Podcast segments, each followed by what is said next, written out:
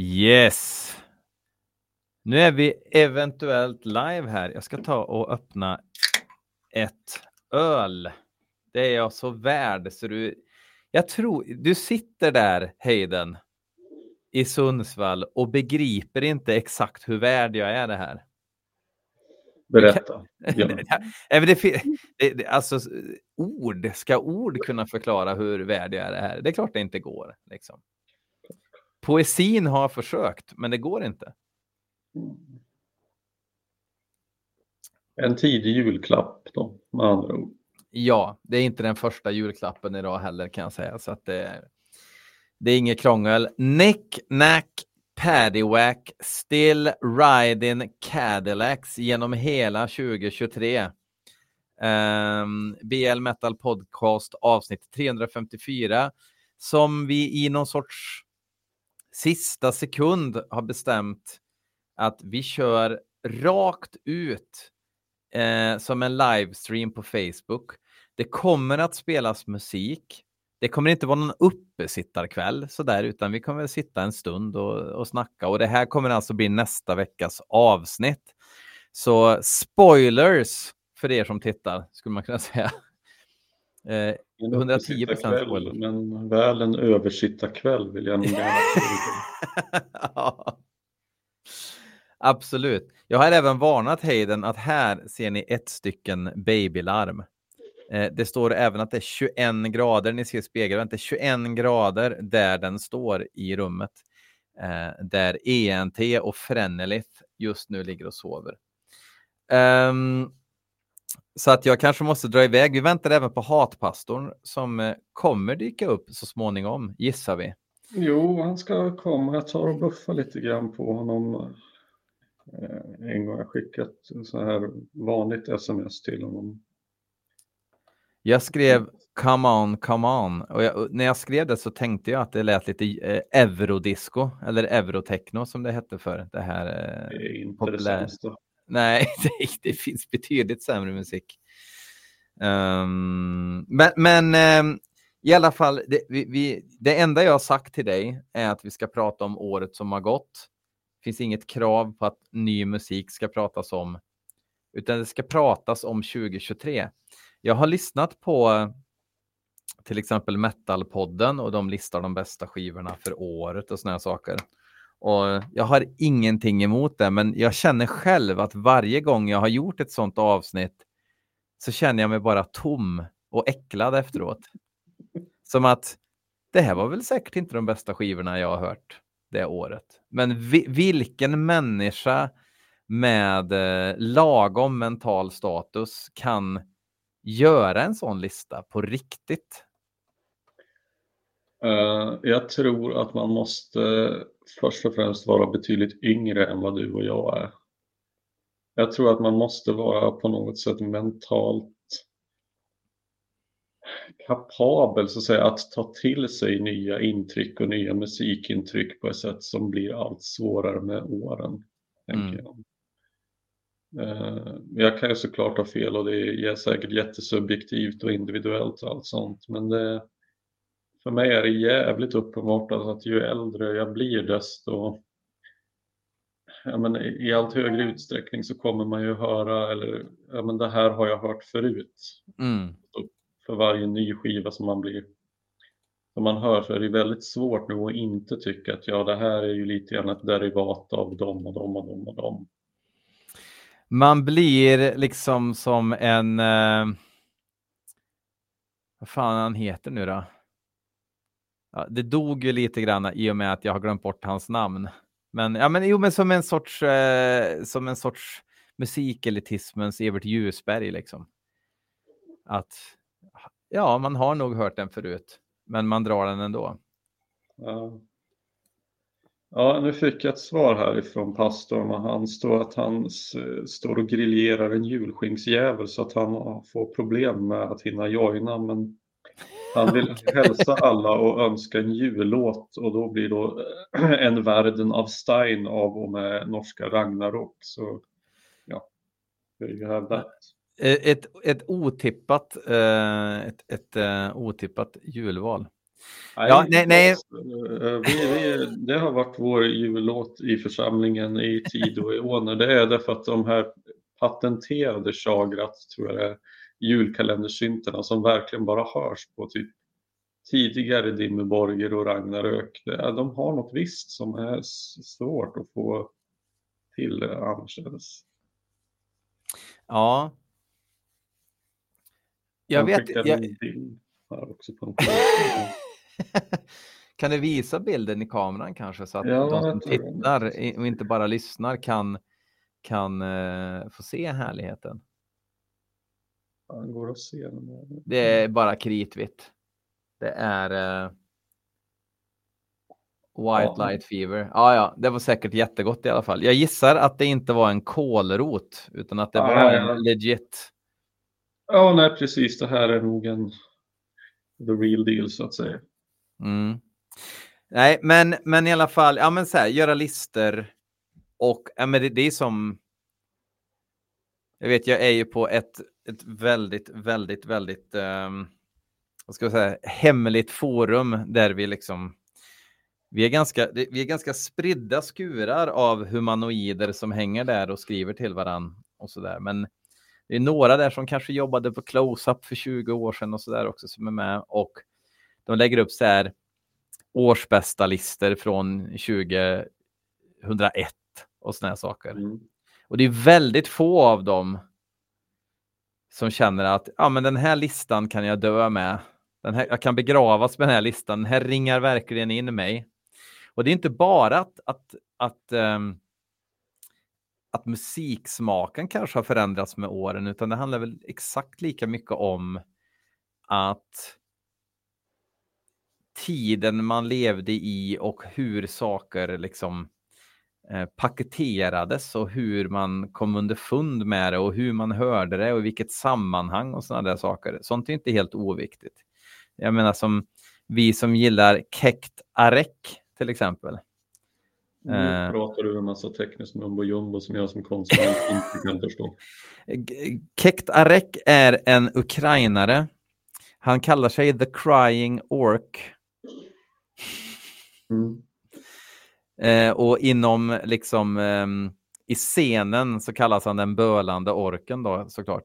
Som eh, gör 60% helt rätt musiken, det låter verkligen, och det låter inte sökt norskt 90-tal, utan det låter verkligen 100% som någonting. Det, det jag får Judas Iskariot-vibbar, men så blandar han det med eh, melankoliska pianon, rena gitarrer och grejer och det, det är så jävla snyggt. Problemet är bara att han är en hopplös individ så fort han visar sitt tryne på sociala medier. Jag vet att jag pratade om Kektarek i ett avsnitt när jag precis hade stött på bandet eller projektet eller solokillen. Och jag sa, ja, han gör helt rätt i att han inte finns på sociala medier. Sen hittade jag hans Instagram och insåg att jag hade väldigt fel, för han gör mer händelser och lägger mer, alltså, jag, jag kan ta reda på vad han åt till frukost idag i princip. Och nu så droppar han då en video till en ny låt. Och nu känner jag liksom att att eh, här har jag liksom här har jag liksom snackat gott om honom i flera år. Och det här är vad han ger mig. Ja. Snacka om kniv i ryggen liksom. Och det får man ju stå för nu liksom. En um, legend från en bölande ork i Ukraina. Precis. Så att jag har gjort slut nu. Det blir inget mer Kektarek för min del. Jag kommer lyssna på skivorna och låtsas som att jag inte har sett den där videon och låtsas som att jag aldrig hittar hans Instagram.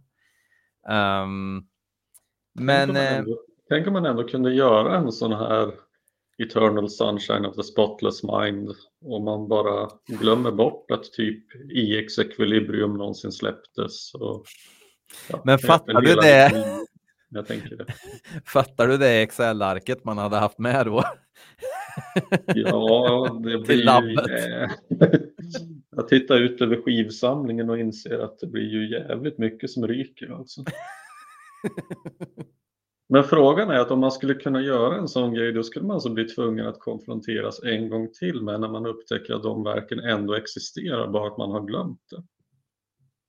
Mm. Helvetet skulle ju kunna vara en evig Alzheimer-återupprepning där man inser att kolla Prometheus, The Fire Discipline of Fire and Demise, en Emperor-skiva jag aldrig ens hört. Mm. Och så glömmer du bort den och så får du lyssna på den en gång till in i ad infinitium. Ja, man, man, man, skulle ju alltså bokstavligen få omvärdera allting från rötterna och upp liksom. Men du, du kanske inte heller har sett hans Dressman appearance eller någonting heller, så att du kanske lyssnar på, på den skivan på ett helt nytt sätt. Um... Ja, det är ju för sig sant. Fast jag tror jag undrar om det verkligen hjälper. nej, nej, alltså jag. Eh, jag vill nog påstå att jag menar som när den skivan kom så ja, en ny Emperor sådär. Um, och jag lyssnade på den och och tänkte ja, det låter ju som att de har väldigt kul i alla fall. Och sen så uh, hörde jag In the Worldless Chamber som är ju en låt som är bra liksom. Men det räcker ju inte. Så att det var för något år sedan så sålde jag faktiskt den. Och Nine Equilibrium som jag någonstans ändå har försökt. Jag tyckte öppningsspåret var bra. Alla går i den fällan. Alltså, Exakt. 20 för, för att sekunder in i låten. Ja.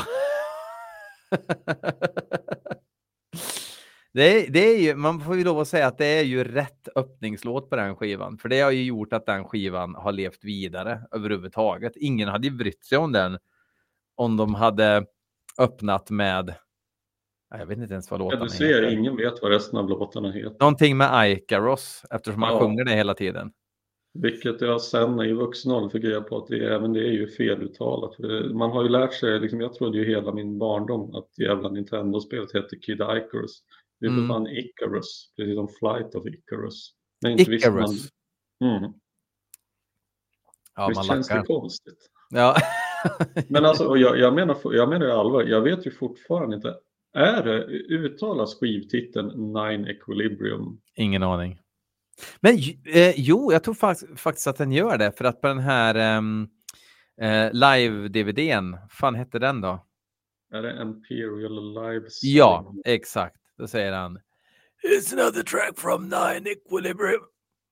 När han ser extremt nationell ut för övrigt. Ja, jo, det är så. Är jävla solblodfrisyr på den spelningen. Vinster i välfärden tatuering någonstans på kroppen. Eh, men, men, men eh, ja. Men jag tänkte bara, för att det är väl någon låt på, jag försökte, jag försökte gå till botten med den där skivan ytterligare en gång och skrev om den som ett blogginlägg på Hatpastorn om EX eller Nonus mm. eller Nine Equilibrium. För inte så länge sedan ju, för du gör nej, den här 120 dagar, eh, Heidenhammers 120 dagar. Ja, precis ja. Och eh, en låt på skivan heter Nonus Equilibrium och då har jag alltid tänkt okej, okay, är det så det ska uttalas? Men det vet inte fan om det är. Jag tänker att du har rätt att det borde vara Nine Equilibrium. Eller? Mm. Alltså, jag, jag, jag, det kan ju vara totalt fel ihågkomning, men jag för mig att säger It's the track of nine equilibrium. Equilibrium säger han i alla fall. Uh, mm. Det hade varit väldigt konstigt om han sa någonting annat och jag aldrig någonsin har uppfattat det. Alltså att... Men det är spännande i och för sig, alltså det här med, jag, jag har ju haft massor med så att säga felimplanterade och felaktiga minnen som jag har blivit rättad på efteråt. Mm. Nu säger jag alls inte att det här är ett sånt, men det kan ju hända. Jag vet inte. Nej, eh, jag har lite väl många sådana så att jag inte ens blir förvånad längre när jag är helt säker på eh, någonting och så får jag reda på att det är en faktoid. Mm, ja, det är det så det heter. Ja, man, eh, man lackar. Men, men du, jag, jag, tänkte ändå börja med någonting, alltså, och, och som sagt, vi, liven kanske ryker ifrån, eh, ifrån Facebooken. Mm. Eh, men men jag, jag, tänkte att om vi jobbar oss bakåt, vi, vi, vi jobbar oss bakåt och, och, jag ska bara berätta om, för, för, jag tänker, för mig så är det ju upptäckter 2023 då, snarare mm. än, snarare än uh, what's hot and what's not, så att säga. Jo, det är ju så jag också rullar. Det blir svårt annars. Det här var kul. Manfred Mans Earth Band. Ja, det där skrev du ju till mig om. Och det, ja. jag, jag kunde väl mest bara replikera att den enda så att säga relationen jag har till Manfred Mans Earth Band är att Chris Slade, en uh, trummis som kört med ACDC ett par omgångar, han hade ju en slags karriär i Manfred Mans Earth Band. Exakt. Manfred Mann är ju född i Sydafrika och sen uh, rört sig om, han hade ju han hade ju, tror jag, någon sån här jazzrock tjosan hejsan tidigt 70-tal. Um, ehm, jag undrar om det hette Manfred Mann bara då. Uh, han och någon mer tomte som jassade loss och var märkvärdiga i polotröjor säkert någonstans i New York eller någonting. Men det, det är en person som, som heter Manfred Mann. Han heter Manfred Mann um, från Sydafrika. Um, och sen så eh, satte han ihop Manfred Manns Earth Band och största hitten de någonsin hade var väl den här Blinded by the light I'm doing I'm doing shiver in the night Blinded by the light Känner du igen den?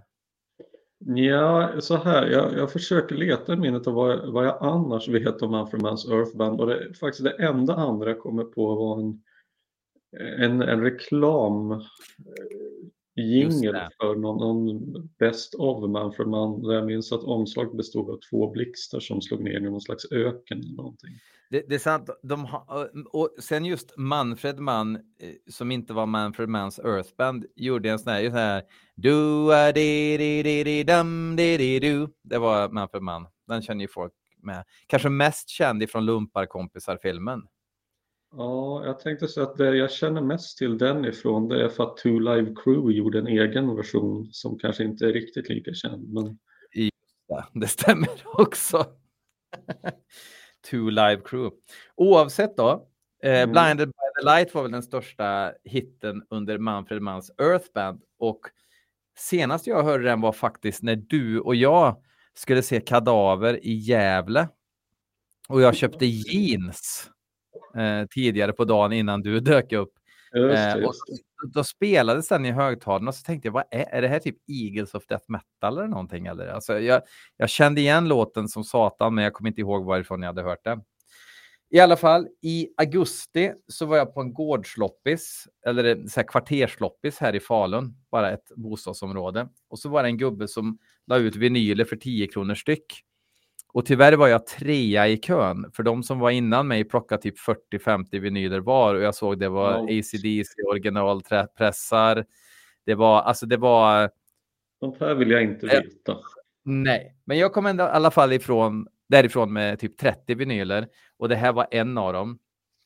Och det var bara, just ja, Manfred Man's Earthband måste jag kolla in. Så att det var väldigt mycket för att kolla in och sen så här, ja, jag kan väl ha en dubblett på Holy Diver i mint condition för 10 spänn. Det är inga problem. Liksom. Mm. Så att det var lite den grejen. Um, och jag tänkte spela en låt för dig nu som jag tycker är väldigt bra ifrån den här. Uh, men då måste jag uh, bli vän med tekniken. Um, det, jo, jag, jag har lyssnat lite grann på 70-talsvarianten. Det här är alltså tidigt 80. 1980 till och med tror jag det här är. Mm. Um, och jag har ju gått och börjat gilla tidigt 80 mer än 70 på senare år. Är det för att man själv blir mm. äldre? Ja, det var en liten oväntad vändning. Alltså, jag, jag vet inte vart fan jag själv står där någonstans. Jag vet bara att när jag var yngre och började lyssna på hårdrock och liknande på 90-talet då var jag mycket mer intresserad av 80-tal än av 90-tal. För att jag tyckte att 70-talet kändes för gammalt och lite för dammigt. Så att jag, jag älskade ju ACDC men det var ja, lite, jag hade lättare för de här 80-talsskivorna som andra verkade avsky. Men eh, det gick ju till sig med tiden så att säga.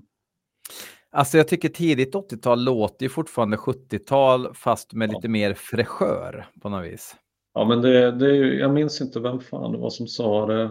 Eh, men eh, någonting var ju väldigt, det var väldigt sant i varje fall att de menar att decennium i, eh, kan ju sägas nå sin zenit någonstans år sju på det. Så att 80-talet når sin peak år 87, 70-talet är som mest 70-tal 77 Mm. och, ja, och, så, och så vidare. Och det, jag tycker att det, ju mer jag tänker på det stämmer det ganska bra. Alltså vi pratar Europe Final Countdown och 77 punk kommer ju liksom 77 och ja, 67 Summer of Love, Doors första, Jefferson Airplane, Mm. Velvet Underground och så vidare.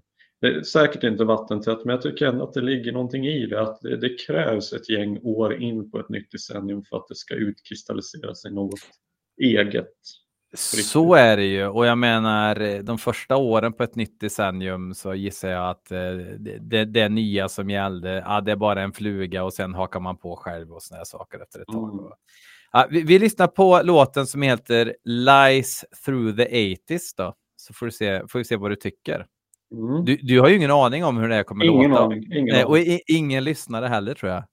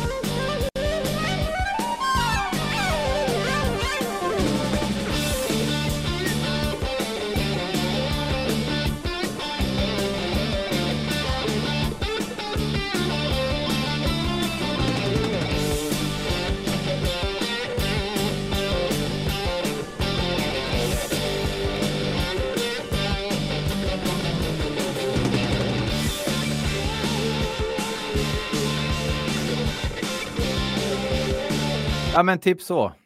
Mm, mm, mm. Eh, jag tycker sångaren Chris Thompson, det är ju olika sångare, alltså det känns som att det här är ju Manfred Manns polare som är med på olika låtar mer. Och det verkar som att det alltid har varit så. Det är liksom inte ett gediget band, utan det är han som ligger bakom och det är massa olika trummisar och sådär. Men den här Chris Thompson har, eh, han sjunger på flera låtar och har en jävligt behaglig röst sådär. Sen är det ganska så här, ja det är lite pajigt. Eh, moderna utvecklingen kommer bli vår död. Fast de hade ju inte fel. Nej, alltså det, jag tyckte först så var det ju lite roligt. Det var flera grejer som jag tänkte på när man såg texten här och där att eh, den här eh, bara posi- alltså när det först bara ser positivt ut i första delen så lät det så jävla mycket som en eh, nyliberal jingel ifrån 90-talet där man förväntar att eh, teknik och internet kommer att lösa allt. Eh, En infomercial. Ja, men precis som någonting Timbro hade kunnat liksom fisa ihop tillsammans med och gud vet vad. Mm. Eh, och sen som du säger så är det lite ja, teknikrädsla och sådär. Eh, och då tänker jag så här, det här var alltså, vilket år var den här ifrån? 1980 tror jag. Ja, det, Det var en ganska bra startpunkt att börja sia lite kanske. ja, jag tänker att det är ju innan, jag ska säga, Ronald Reagan väljs till president 1980, men Mm. och det kalla kriget eskalerar ju egentligen några år, något år in eller ett par i hans presidentskap. Så jag tänkte det här missiles will think when they fly som en slags uh, profetia om AI-robotar. Och så. Så att, men, men dit har man väl egentligen inte hunnit komma än utan det är ju fortfarande de här besynnerliga åren när Brezhnev är ett levande lik i Sovjetunionen som Mm. hålls med hjälp av elektrochocker och Andropov och Tjernenko har inte hunnit kliva på än. Så att jag, och sen en, en tredje grej som jag tänkte på att det är ett av, vad jag förstått, dina favoritband är väl Killing Joke? Ja, eh, favoritband, men, men om man säger så här, under de senaste fem åren så har de klättrat på listan rejält och sparkat ner en del konkurrenter, absolut. Jag tänkte Ehm, deras låt, den heter väl, heter den Living in the 80s eller bara 80s? 80s heter den väl. Eh, det måste jag fan kolla upp. För vad handlar, jag har aldrig läst den texten eller hört den. Jag undrar vad, vad är det de tar upp där som är Living in the 80s? ja.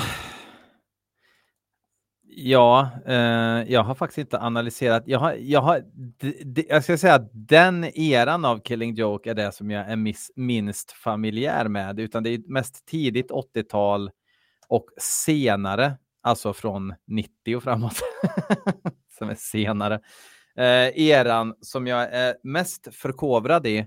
Men nog är det, alltså Killing Joke är ju aldrig positivt inställda till någonting. Så jag har väldigt svårt att tänka mig att de gör en låt som heter 80s som är en vurm för 80-talet direkt. Ja, jag, Ehm, drar, jag, jag kollar den här själv. Kommer du ihåg vilket år den är ifrån? 85 va? Precis, Ja, den är från 50 Nighttime-skivan, då är den 85. Men tydligen hade den, jag såg här, den hade redan, de hade kört den på tv redan 83, så det är ju också tidigt 80. Mm.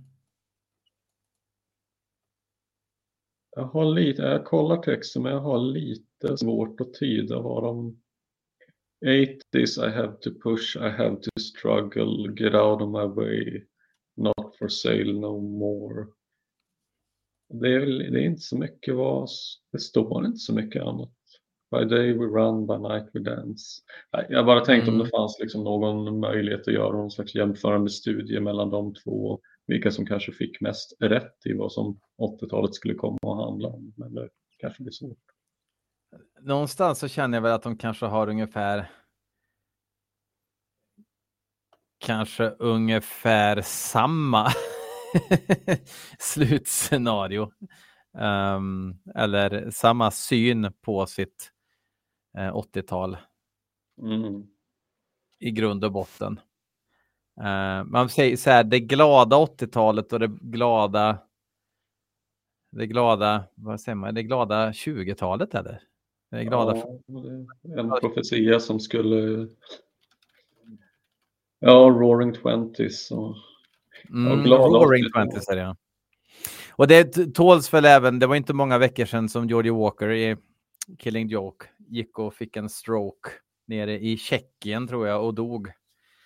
Gitarristen. Jävligt sorgligt, för det är ju ändå ett band som har, alltså de har ju verkligen inte tappat det, utan de har ju varit lika, alltså jag menar deras sista skiva, Pylon, som i och för sig har några år på nacken nu, det är 2000, 2008 kanske, 2007, 2008, 2009, nej 2010 kanske till och med. Jag vet att jag bodde i Karlstad när den släpptes, så jag flyttade till Karlstad 2010, men det var att strax nära inpå där. Är ju eh, as good as any, liksom. Eh, fortfarande jävligt bra live. Um, så det är jävligt tråkigt. Alltså vissa stofiler går ju och dör som, är, som bara har gjort skit i 20 år och det kan ju också vara sorgligt. Men när det är någon som verkligen fortfarande har något att ge så är det ju extra jävla drygt tycker jag. Ja, jo. Ja, det här med att stofiler går och dör, det är bara en liten parentes där, men det är, när jag får hem och läser igenom eh, senare, alltså nya nummer av Sweden Rock och liksom man kollar nyhetssidorna där och inser att det har ju mer gemensamt med liksom dödsannonserna i DN. Alltså seriöst, för varenda jävla nyhetskolumn så är det ju minst 30 gubbjävlar som har strukit med. Det är ju inte så konstigt med tanke på att det är en åldrande, en åldrande genre och åldrande scen. Till, till och med de här nykomlingarna som black metal-musikerna och death metal-musikerna, de är ju fan i 60-årsåldern många av dem nu. Liksom. Ja, jo, alltså det är ju inte ens ett skämt, men jag tänker för Nej, vi är ju 40 plus, jag menar, nej, alltså man kan ju säga så här, det är ju inte ungdomens musik längre och det har det nog inte Nej. varit på en bra stund.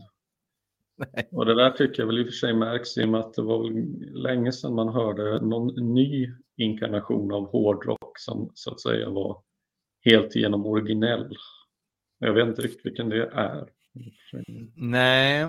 Jag, jag vet ju att ehm, det finns ju även i det här forumet då som jag är på så finns det en tråd som heter den nya generationen vad gillar kidsen. Och då försöker man ju posta grejer. Och det är ju bara deprimerande. Alltså för att man vill ju att den nya liksom metalmusiken som växer fram ska vara intressant även för oss, men det måste vi ju inse att den inte kommer vara. Nej, alltså det är väl sedan tidernas begynnelse så har väl musikrecensenter i och för sig alltid sagt liksom att man förfasar sig över att det kommer ingenting nytt eller att det är ingen utveckling, det är stagnation, bla bla bla. Problemet är att jag vet inte om det är bara för att, om det är för att en själv som har blivit gammal, men i så fall så blev Mm. jag gammal för långt över 20 år sedan, för jag tyckte att någonstans där kring millenniets början så tyckte jag i varje fall var som att idéerna hade tagit slut, alltså att det blev väldigt mycket derivat av vad som gjorts tidigare. Och även Mm. om det bär mig emot så, jag menar nu är det ju ganska lätt att, att racka ner och med all, med all rätt och i och för sig då på vad vi kan kalla för så kallad neometal och liknande. Men eh, är det inte så att alltså typ neometal och eventuellt någon slags emo-core, metalcore, det är väl den sista, vad man kan säga, inkarnationen av, av hårdrock som var ny och som blev relevant på ett större plan. För jag vet inte vad som är, vad har kommit sen annars som skulle kunna vara konkurrent. Alltså, Ja, det, det är en jättebra fråga, men, men, men samtidigt så undrar jag också. Alltså, ja. Det blev ju en våg, alltså verkligen någonting som folk blev varse om, vare sig man tyckte om det eller inte. Men att, att säga, ja men det kommer ju fortfarande jättebra musik och eh, jag tycker ändå att både black metal och death metal har ju gjort ganska spännande resor som har gjort att de genrerna som sådana och nu tänker jag på specifika saker för jag kan inte säga det generellt för all musik generellt är ju skräp. Men de har gjort undergroundresor som är intressanta. Jag menar när Polen tog över och Island dök upp och ändå satte en helt ny prägel på black metal tycker jag mot vad som fanns innan vi kom bort ifrån det här no fashion, d-moll, ner ett halvackord, harmonierna och helt plötsligt börjar man göra något annat. Ehm, som gjorde att black metal blev spännande igen på ett nytt sätt. Liksom. Att man försökte inte göra en ny, en, eh, man försökte inte liksom bara göra det, vad gör Watain just nu tänket, utan Man försökte göra något helt annat. Eh, och eh, även death metal som gick tillbaks till liksom, ja, men det här incantation dödsen och utvecklade den och gjorde den mer avgrundsdjup och mer, mer reverbig liksom och mer hemlig igen. Från att också ha blivit en genre som, som började bli väldigt mycket bara låta som en tomd så kommer det band och låter inte överhuvudtaget som en tomd och blir jätte liksom, populära. Så att, men man sneglar ju alltid bakåt i någon mening. Och sen gör man saker som det här är intressant för att det är konstigt. Liksom. Mm. Det är det som gör att man, oj, det där var konstigt. Det är nog därför jag attraheras till det här nu. För att det var någonting oväntat. Inte bara det här att forma om en genre till att göra den intressant för att det är bra låtar. Uh, nej, alltså så, jag, jag säger verkligen inte att det inte har kommit nya bra band, för det kan till och med jag erkänna, om än ibland motvilligt. Då. Eh, men eh, det jag menar lite grann så är att eh, ljusglimtar finns det alltid. Det kommer alltid finnas individuella band och artister som gör någonting eget och kör en egen skruv, en ny take på någonting. Men det är mer jag pratar om de riktiga, alltså på ett, på ett väldigt mycket bredare plan så att säga. Att, ja men den där norsk black metal och alltså andra vågen från 91 och framkom. Ja, jag kan ju inte säga att det aldrig hade gjorts förut för att otroligt mycket var ju liksom stulet av Bathorys tredje skiva till exempel. Det ju Mm. Under Design som det baserades på. Men, men eh, ändå vill jag ändå, på, vill jag ändå påstå så att, säga, att även när dödsen var ny, när den här andra vågen svartmetall var ny och även grindcore, alltså det, jag tycker att det fanns någonting genuint nytt i det. Och sen så även så att säga med individuella takes på det så eh,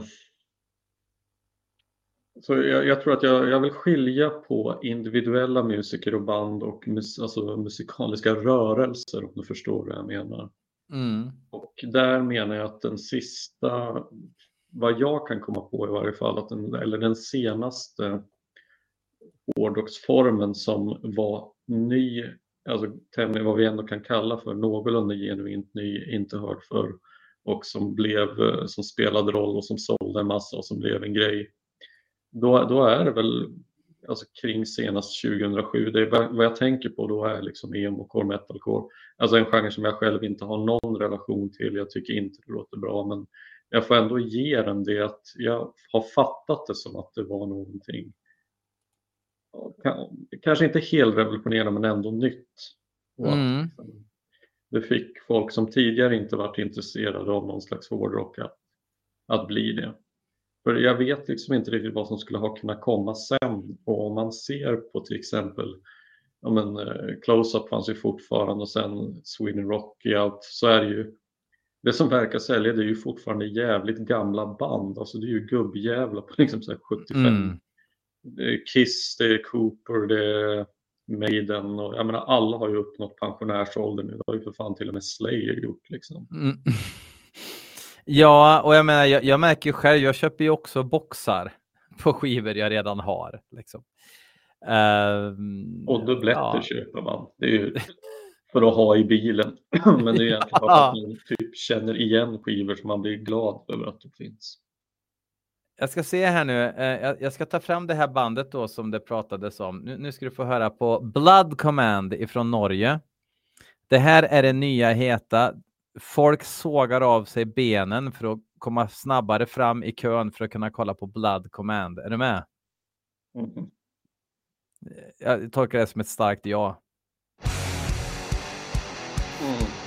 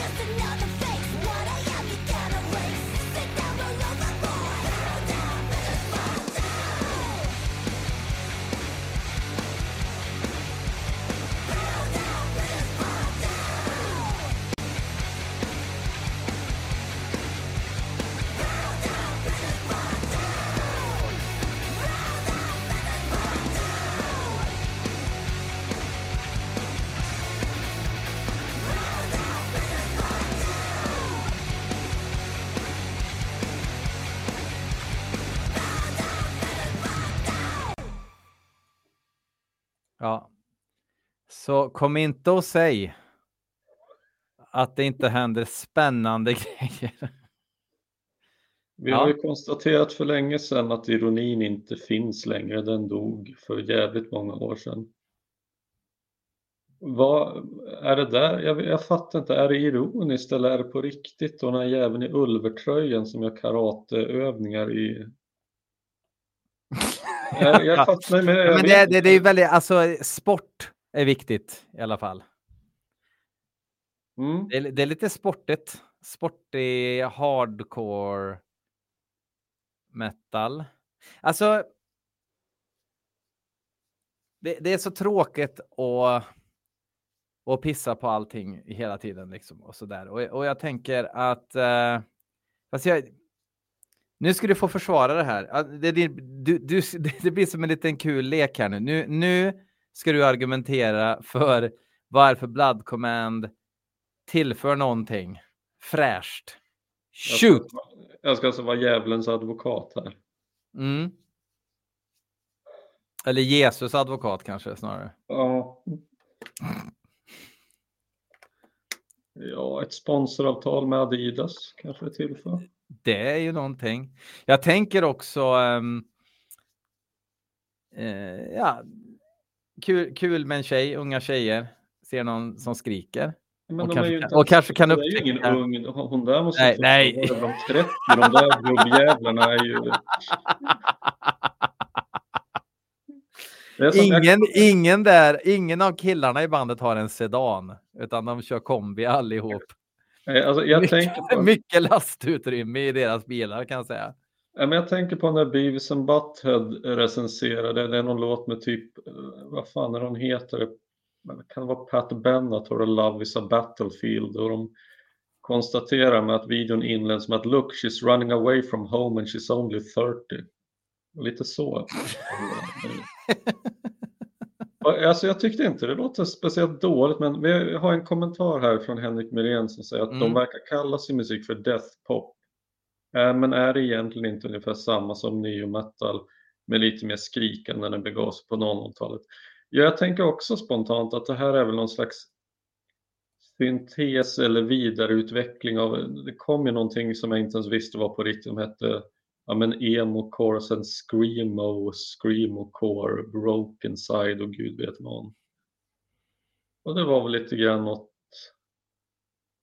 åt det här, fast det här lät ju, initialt tänkte jag att det här lät ju mer thrash med någon slags skrikande. Hade jag inte sett om de här kendo eller kyokushinkai övningarna med gubbjävlar på en, i en norsk förort så hade jag bara tänkt att ja, det är väl som det är väl ny thrash liksom, som det låter. Ja, för, för jag, jag tror, kan det också vara det här laptop-produktionen som gör det? För, för jag tänker att riffet i sig är, är ju ganska old school. Riff. Ja, ja, det det- vara ett DRI-riff eller någonting liksom.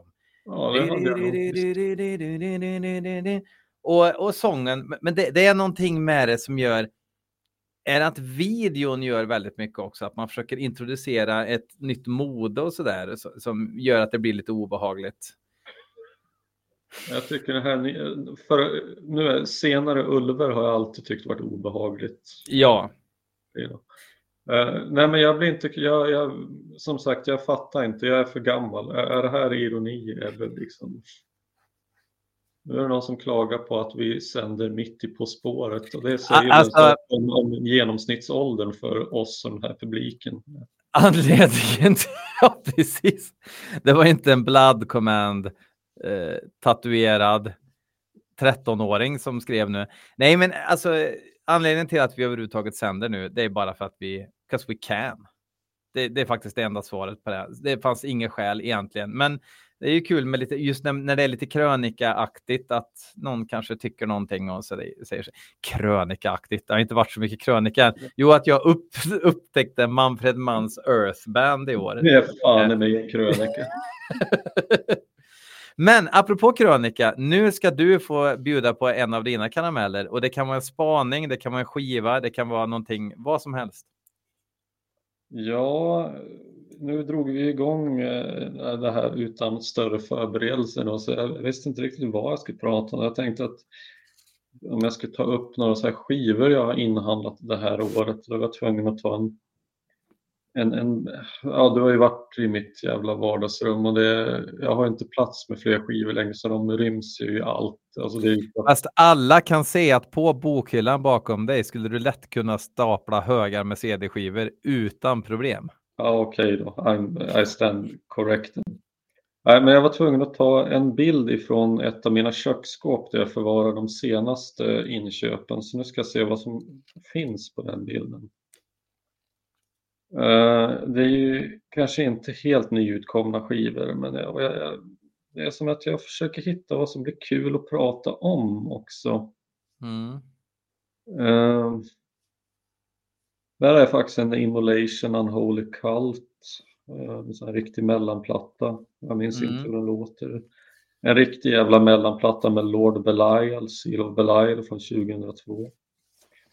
Uh, Vampyrer Black Metal från Cacophonous i, fram, i form av Twilight Opera. Jävla bra. Två exemplar av Ancient Wisdoms andra skiva en Diabolical EP vid namn Umbra. Italienska Death SS med någon riktig jävla soundtrack från The Crow 7-historia kan man kalla det. Har de, har de, har de alltså jag, jag har bara hört det gamla Death SS, men de, de ballade ur eller? Eh, De ballade väl ur redan i början, fast på ett bra sätt. Men de har ballat ur på ett dåligt sätt i katalogen också, många gånger. Eller? Ja, den här kommer ju inte att spinna jävligt många varv. Det gör den inte. Eh, däremot en, en så här nyupptäckt, ett, ett tyskt band som jag läst om i nästan sån här 30 års tid och som jag skrattat åt sedan dess, speciellt när jag såg deras videor som var med på Beauty in Darkness VHS som för Nuclear Blast. Det var ett band som heter Lacrimosa. Mhm. Eh, och då fick jag hem två skivor med dem och jag får plötsligt svälja min, mitt asgar för det här var faktiskt ganska jävla bra. Oj! Ja, jag, ingen, ja, jag blev så jävla paff själv också, men det är en slags jävla udda form av bombastisk goth metal. Alltså, du hör ju själv, man, Ja, jo, bombastisk goth-metall får en ju inte att gå upp på morgonen vanligtvis. Men kan du bjuda på ett spår? Ja, vad fan skulle jag... Den, eh, de två skivor som jag har fått hem heter Lichtgestalt och Fassade. Jag vet inte om det går att hitta någon. Vi kan ta kanske någon låt från Fassade då eller någonting. Mm. Eh, Om vi bara kör den då från början. Kan det funka? Eh, då ska vi se här.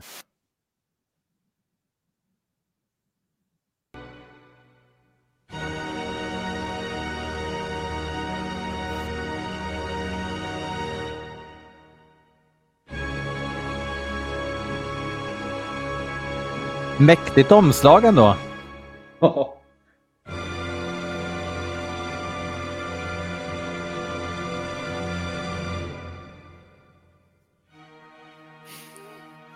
Jag tackar Kristoffer Brilhult för förtroendet.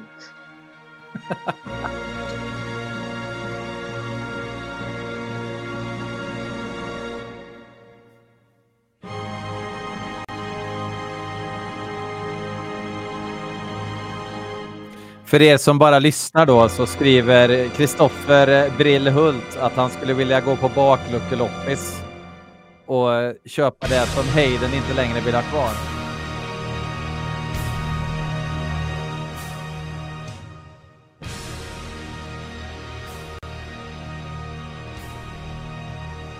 Alltså bombastisk var ordet, sa Bill. Men det låter inte billigt. Nej, det, det är det verkligen inte. Alltså, jag skulle nästan kalla det lite som en blandning mellan Dumbledore och Rammstein någonstans, fast med en egen liten touch. Och det är, ju längre på skivan jag lyssnar så hör man att alltså, det är jävligt så seriöst komponerat.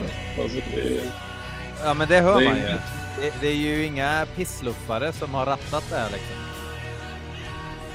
Även lite så här urfaust-vibbar.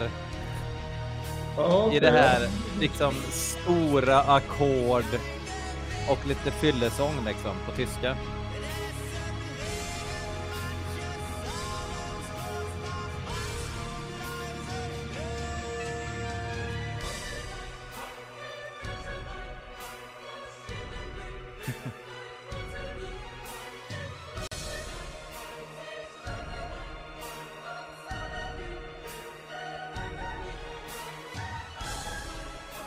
Är kanske inget som man sitter liksom och blålyssnar till, men man låter det gå i bakgrunden medan man eh, tar sig igenom ett knippe Pondus och en kopp kaffe. Så ja, det är inte så dåligt. Kan man öppna buckleten och göra lite skoltyska om man så känner för det. Alltså jag tycker det på riktigt inte att det här är dåligt. Nej, nej, det är det verkligen inte. De, de lägger ju, alltså jag gissar att låtarna inte byggs av riff. Utan det orkestrala är ju i extremt stort fokus. Lite grann som det blev med Dimmy Borger. Så fort de fick in Orsa Spelmän på en skiva så slutade de riffa. Och så fick eh, de spela bara ackord helt plötsligt och så fick eh, någon check febrigt skriva ihop arr för att göra det till låtar. Ja, jag tänker verkligen inte säga emot det. Och, och som sagt, jag har bara låtit de här två skivorna gå ett varv. Jag blev positivt överraskad då och jag vill minnas det som att det ändå finns lite hooks och flingor som man minns på sådär. Men jag har ingen aning om hur väl det står sig efter flera lyssningar. Men ändå så var det lite kul att få fördomar så att säga motade i grind lite grann. Apropå fördomar motade i grind då. Är du verkligen beredd på det som kommer ske nu? Uh, ja, låt mig bara svara på den här eh, Arne GL skickar att han har fått sms ifrån Bergman. Uh, har, du gjort, uh, har jag gjort en djupdykning i Overload ifrån Bollnäs än? Nej, dessvärre inte, men jättebra att du påminner om det för att det är fan i mig dags. Och någon special om Pungent Stench. Kul att du, sa, kul att du säger det, för det är en Pungent Stench-skiva fick jag äntligen lägga vantarna på i år. Jag hade eh, länge eh, letat efter, vad fan är den heter, det här med det klassiska omslaget. Det är någon tant i läder. Bin, bin Caught Buttering hade. Nej, inte Binkat Buttering för det är en fullängdare. Det här är en EP, eh, Psycho Ah, Beats, Dirty Rhymes and Psychotronic Beats kan den heta det. Det ett omslag som, ja, man märker det. Eh, Men vi har alltså länge tänkt och faktiskt, alltså Pungent Stench tycker jag är ett band som förtjänar lite mer uppmärksamhet. Eh, jag har ju sett eh, The Church of Pungent Stench live. Vänta, vad på- fan är The Church of Pungent Stench?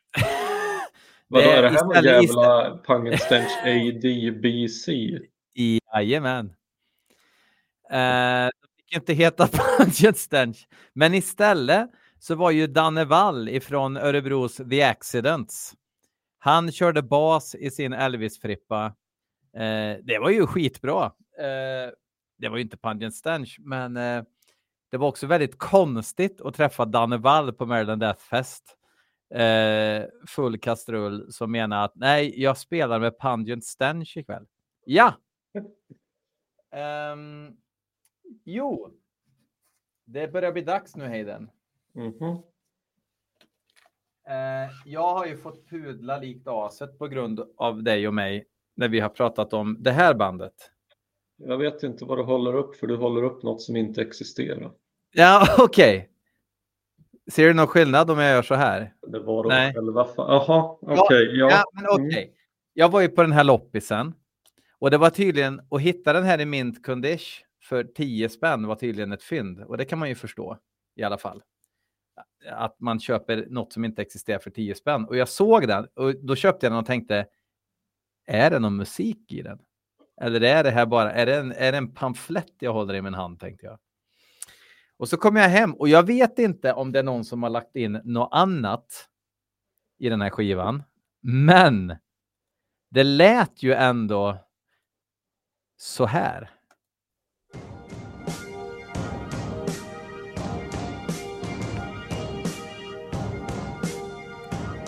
Mycket möjligt att de bryter livestreamen när vi spelar något så namnkunnigt som inte finns.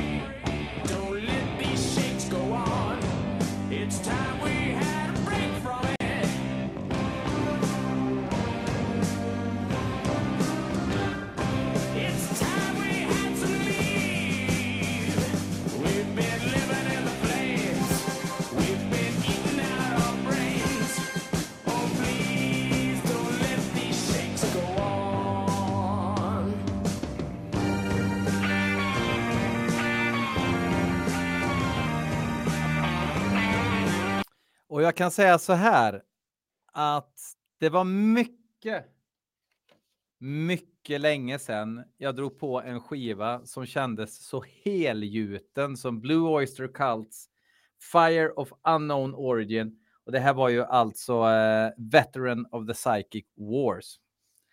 Eh, det här är en helt fantastisk skiva från början till slut. Ja, Men det är ju, kan vi säga så här då, att det är ett band som gör covers på sig själva för att själva bandet inte existerar och så har de satt det på tejp. Så att ett Ja. på Blue Oyster Cult-listan är att de stryker sig själva innan de har spelat in någonting och låter ett coverband ta över. som tänkte så här borde Blue Oyster Cult ha låtit om de fanns i verkligheten. Exakt så. Och då är det svårt att värja sig för det där lät Ja. bra. Visst var det jävligt bra? Ja men så här, det, det är så jävla, jag, jag har alltså en Best of Blue Oyster Cult skiva som jag tror är en jävla, eller en dubbel-CD till och med. Som vet- finns alltså? Ah, det låter jag vara osagt i och för sig då. Vi, vi vet ju inte om vi lever i en simulering eller inte. Men det står i varje fall det på framsidan. Och, och jag vet att jag har låtit den gå ett par gånger och jag har inte hajat till över någonting på det. Men det där lät bra. Ja, jag kan Ja. ja. strupen och säga det var fan inte dåligt. Nej. Men Och, och, är det och, då verkligen Blue Oyster Cult? nej, men jag, jag har ju liksom. Jag har gett den här skivan väldigt mycket tid. För först har jag tänkt så här. Låter det bra för att inte finnas i verkligheten? Är det den standarden jag lyssnar efter nu? Eller är det bra på riktigt? Eller är det skitbra? Och det är jättebra. Och det här har jag egentligen bara hört sax till mig, men jag har tänkt att det är fake news eller AI eller folk när folk har sagt att första Ghost-skivan är ju ren Blue Oyster Cult och tänkte ja, okej. Fast både du och jag vet att Don't Fear the Reaper finns absolut. Men Blue Oyster Cult finns inte. Exakt. Och eh, Don't Fear the Reaper låter ju... Det finns ingenting på den här skivan som låter som den låten överhuvudtaget. Ska jag säga. Absolut ingenting. Oj, Eh, ja, men för jag, det- jag vill också med, som Kristoffer här skriver, kan komma och köpa den här helst med det omslaget. Jag Mm. har ju också till över omslaget. Jag tycker det Ja. är coolt. Och Det är att de svin- Det, det ger ju verkligen någon sorts okult känsla liksom. Att, Ja, alltså att de står och håller de här ois, vad fan, eh, ostron blir det väl på oyster. Eh, nu ska det, min favorit Blue Oyster existerar ju fortfarande i Polisskolan 1 och så kommer det alltid att vara Ja. med den saken. Men Ja. ändå. Nej, men jag gillar omslaget. Det var Mm. eh, coolt. Eh, men, men sen har jag smålyssnat på andra grejer, men ingenting hittills. Även om ja, folk säger att det där är inte den bästa skivan, Blue Oyster Cult. Du vet ju hur folk låter. Jo. Och så drar man på det bästa och så hör man bara en massa rock, blues, jam och sådär. Och, och jag kommer säkert revidera den uppfattningen också. Jag ska lyssna på fler skivor ordentligt. Men ingenting har fängslat mig som den här skivan med dem hittills i alla fall. Så eh, nu blir, tycker jag att det är lite coolt att Dennis Dunaway eh, sp- spelar med en Blue Oyster Cult-tomte. Ja, jo, nej, men det, nej, men det är som sagt roligt. Mm. alltså man älskar ju att ha fel. För man, man, man, man, man har ju inte starka åsikter om saker som är positivt, utan man har ju det oftast om saker som är negativt. Så om man då har fel så är det ju så jävla härligt att ha fel. Ja, jo, jo, ibland är det skönt att bli rättad. Är en kombo av aztek och någon sekt som tycker att skaldjur är skapta ur rymddamm. Ja, men jag köper det rakt av. Alltså jag har släppt igenom på den nivån på betydligt lägre nivå ideologiskt så än så många gånger tänker jag. Jag vill bara lägga till till alla lyssnare att vi läser alltså från en chatt ibland och så där. Så att, eh, ja. Och just det, chatten syns Ja. såklart. Förlåt, jag glömmer bort mig. Den, den här livestreamen är ju någon sorts, eh, vad ska man säga? Alltså jag kan ju göra så här också så att Patreon-gänget, kolla, nu kommer det upp här nere. Har du sett? Vilken jävla grej. Och vara producent är ju svinenkelt, tv-producent. Jo, Um, jag kan göra så att kommer det upp någon intressant fråga kan jag lägga upp den på skärmen. Jag vill, jag vill faktiskt lägga upp det här också. Att Danne Wall, här står det, Parne GL, Wall är kung, Genocide Superstars är fan kungar. Absolut 100 procent. Uh, då, då måste jag spela, det, det här kan vara en av mina favoritvideos. Har du någon kläm på Danne Wall?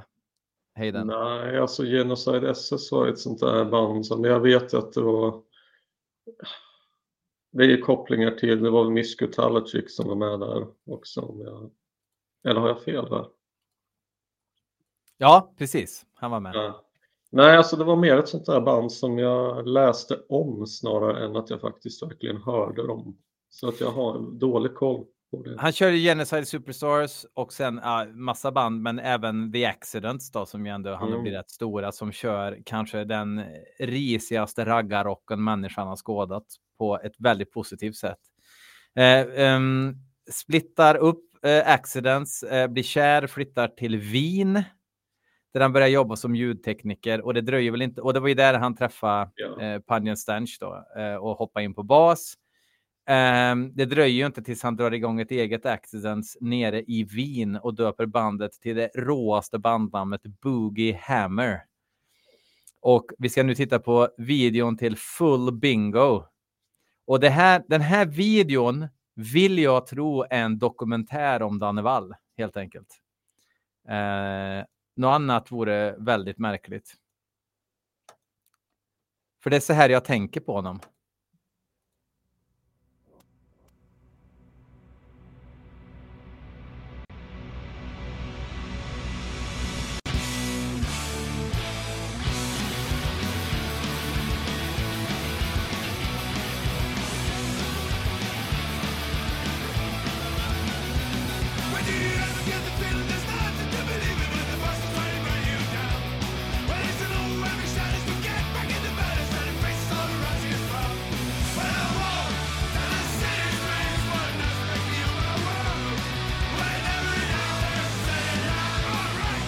Den kicken basisten gjorde där skojar man inte bort.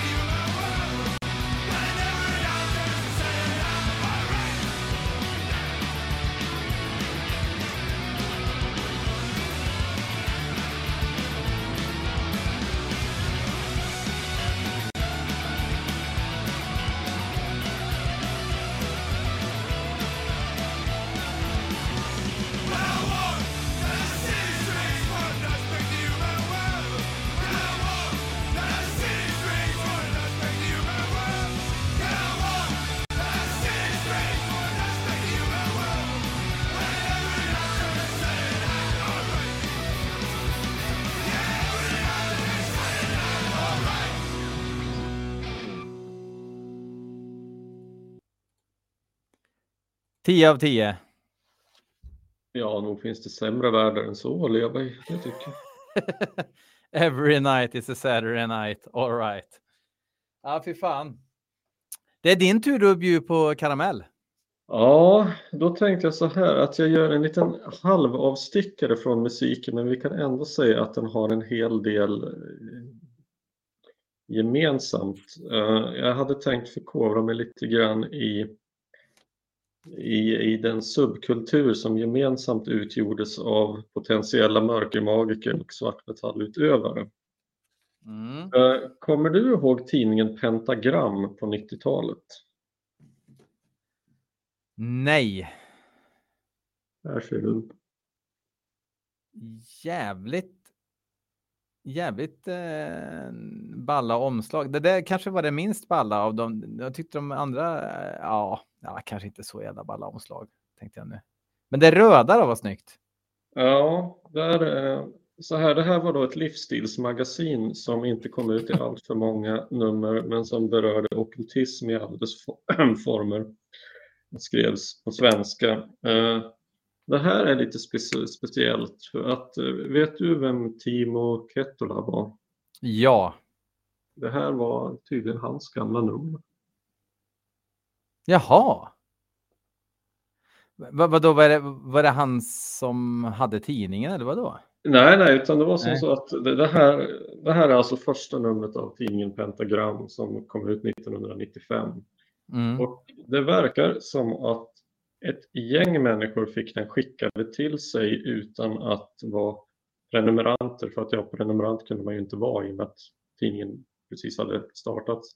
Men Mm. åtminstone en person jag känner fick den här tidningen i sin brevlåda och den, här, den snubben hade ingenting som helst med, med den här världen att göra. Så han blev ganska Nej. förvånad.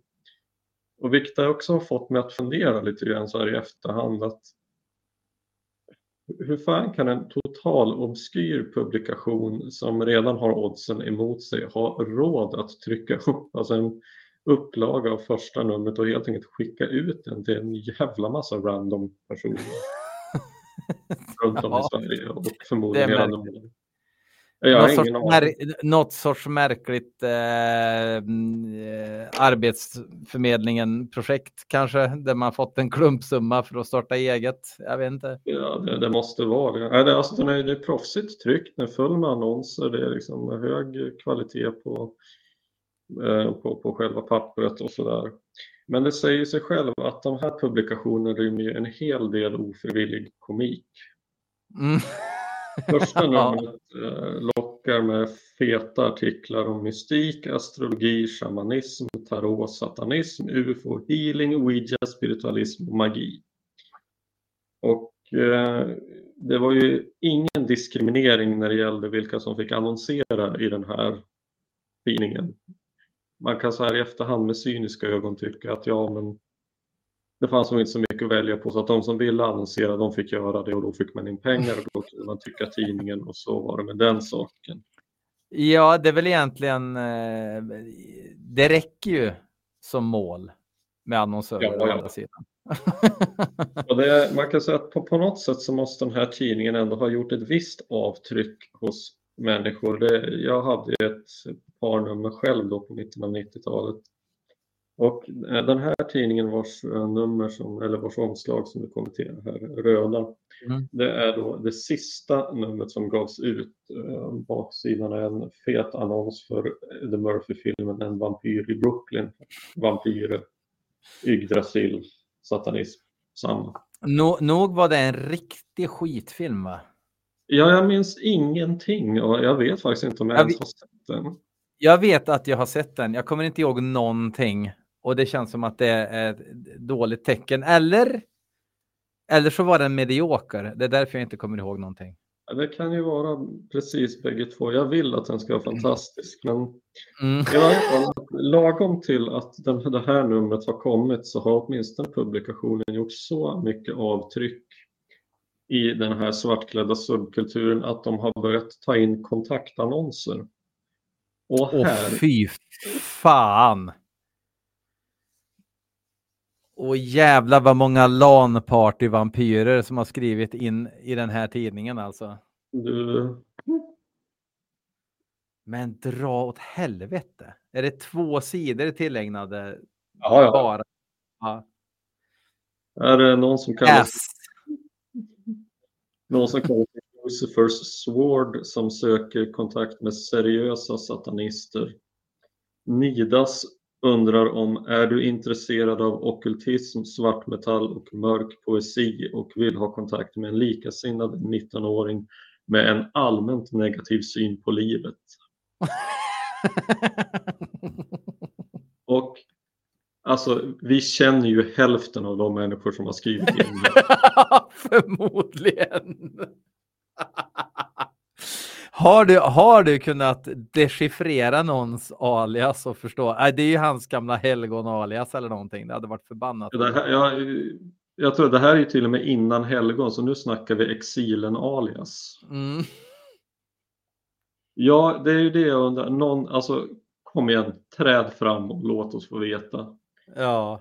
Det är ju någonting otroligt roligt med det här och väldigt gulligt. Så jag hade tänkt att vid något pastorinlägg eller någonting så hade jag tänkt göra som så att jag morfar tillbaka mig själv till Heidenhammer 16 år och svarar på kontaktannons eller helt enkelt ser om jag swipar höger eller vänster på det som bjuds. Och innan vi lämnar det här så vill jag det, det är signaturen Violet Sun som söker vänner och brevvänner och är intresserad av gudinnetro, indianer och aboriginer, användning av meditation och andliga krafter i vardagens liv och som har stor erfarenhet av astralresor och reinkarnation. Hur har man stor erfarenhet av reinkarnation? Det vill jag veta. Alltså till att börja med så kan man ju bara ha en erfarenhet gissar jag. Um, ja, Såvida man inte kan... du? Ja, jag trodde jag ja. Nu, nu is my face red som man brukar säga när man känner sig dum. Ja.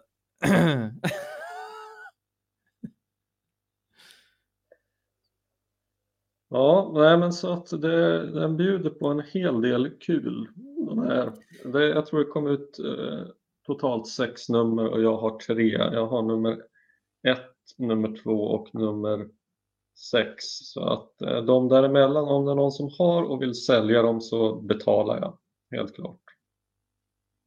Och jag var inte oskyldig själv. Jag säger att när jag hade nummer eh, det här första numret så fanns det en annons för ett besynnerligt företag nere i Skåne som hette Workshop och som sålde sanningar i form av ockulta böcker.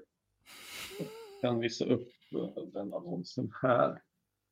Eh, och lite giger eh, postrar och grejer. Och här kunde man då skicka in en, en talong med vad, vad man ville beställa. Och i i, i mitt nummer då, in, inte det här som jag köpt nu, det kanske bäst sägas, jag har en dubblett av första numret och mitt nummer har jag sedan, sedan gammalt.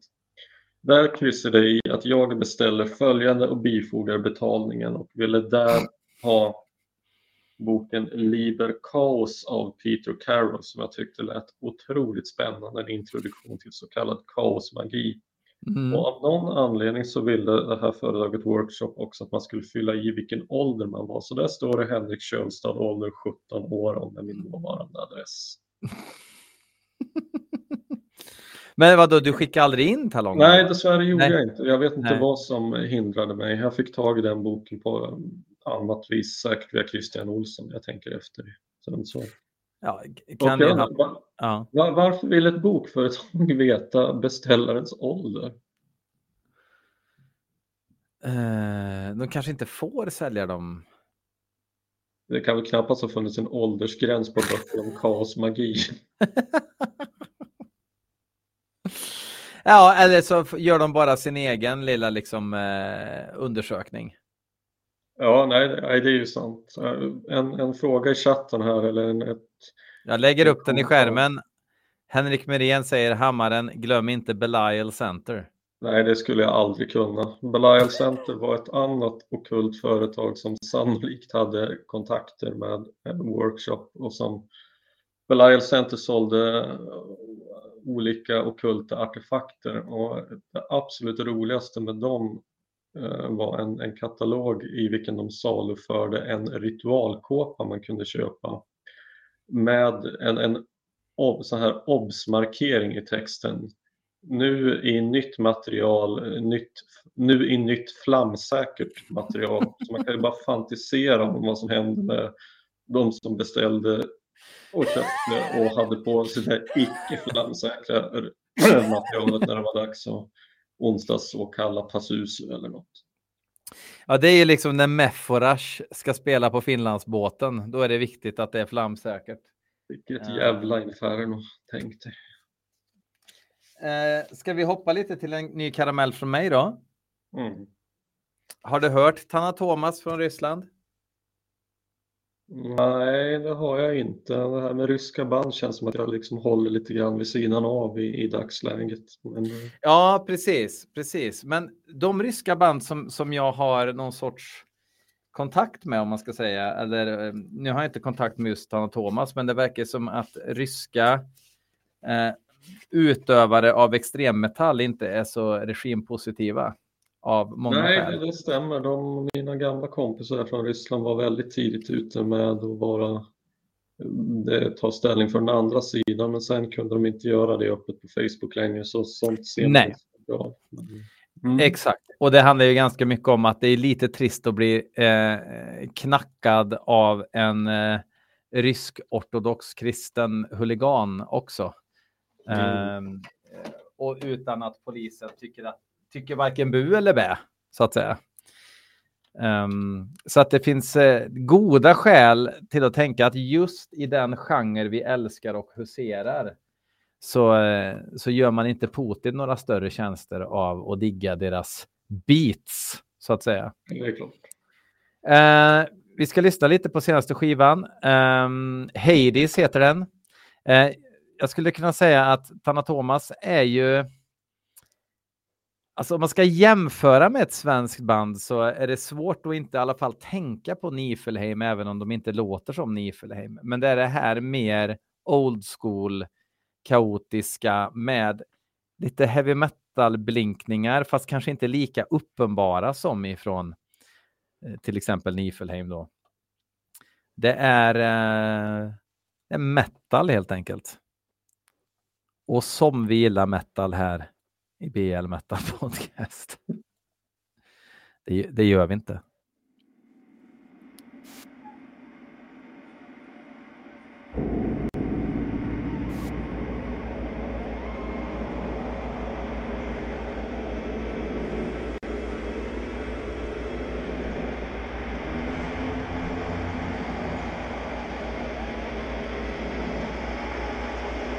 Kör lite intro. Det kan vi väl kosta på oss.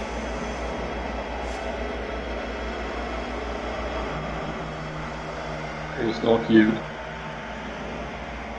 Exakt. Uppesittarintro, kan vi kalla den det?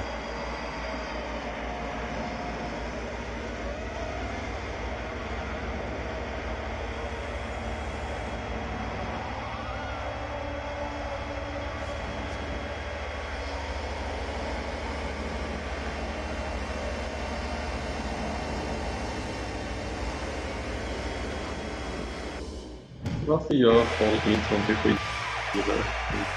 Ja, tack.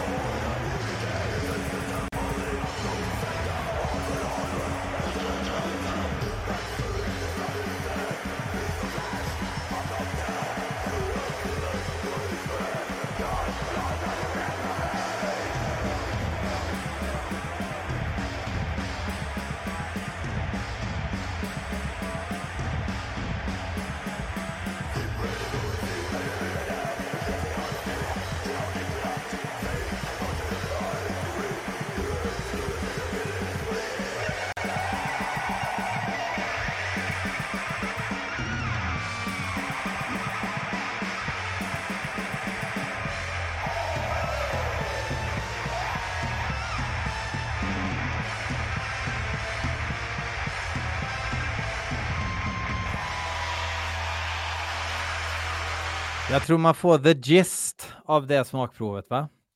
Ja, men alltså det där gillade jag fan rätt skarpt. Jag älskar när Mm. folk slår hårt på golvpukan omotiverat. Ja. Eh, och plus i kanten också att basen försvinner då och då när han spelar. Eh, oklart, oklart om det är medvetet. Men helt plötsligt så bara försvinner all bas. Du får ju höra i mono tror jag. Så att jag, jag vill inte ens gissa hur den där mixen låter i mono. Ja, hur upptäckte Men- du den där då? Eh, jag tror faktiskt det var Joel Wiklund som skickade in från, de för, från förra skivan till eh, podden.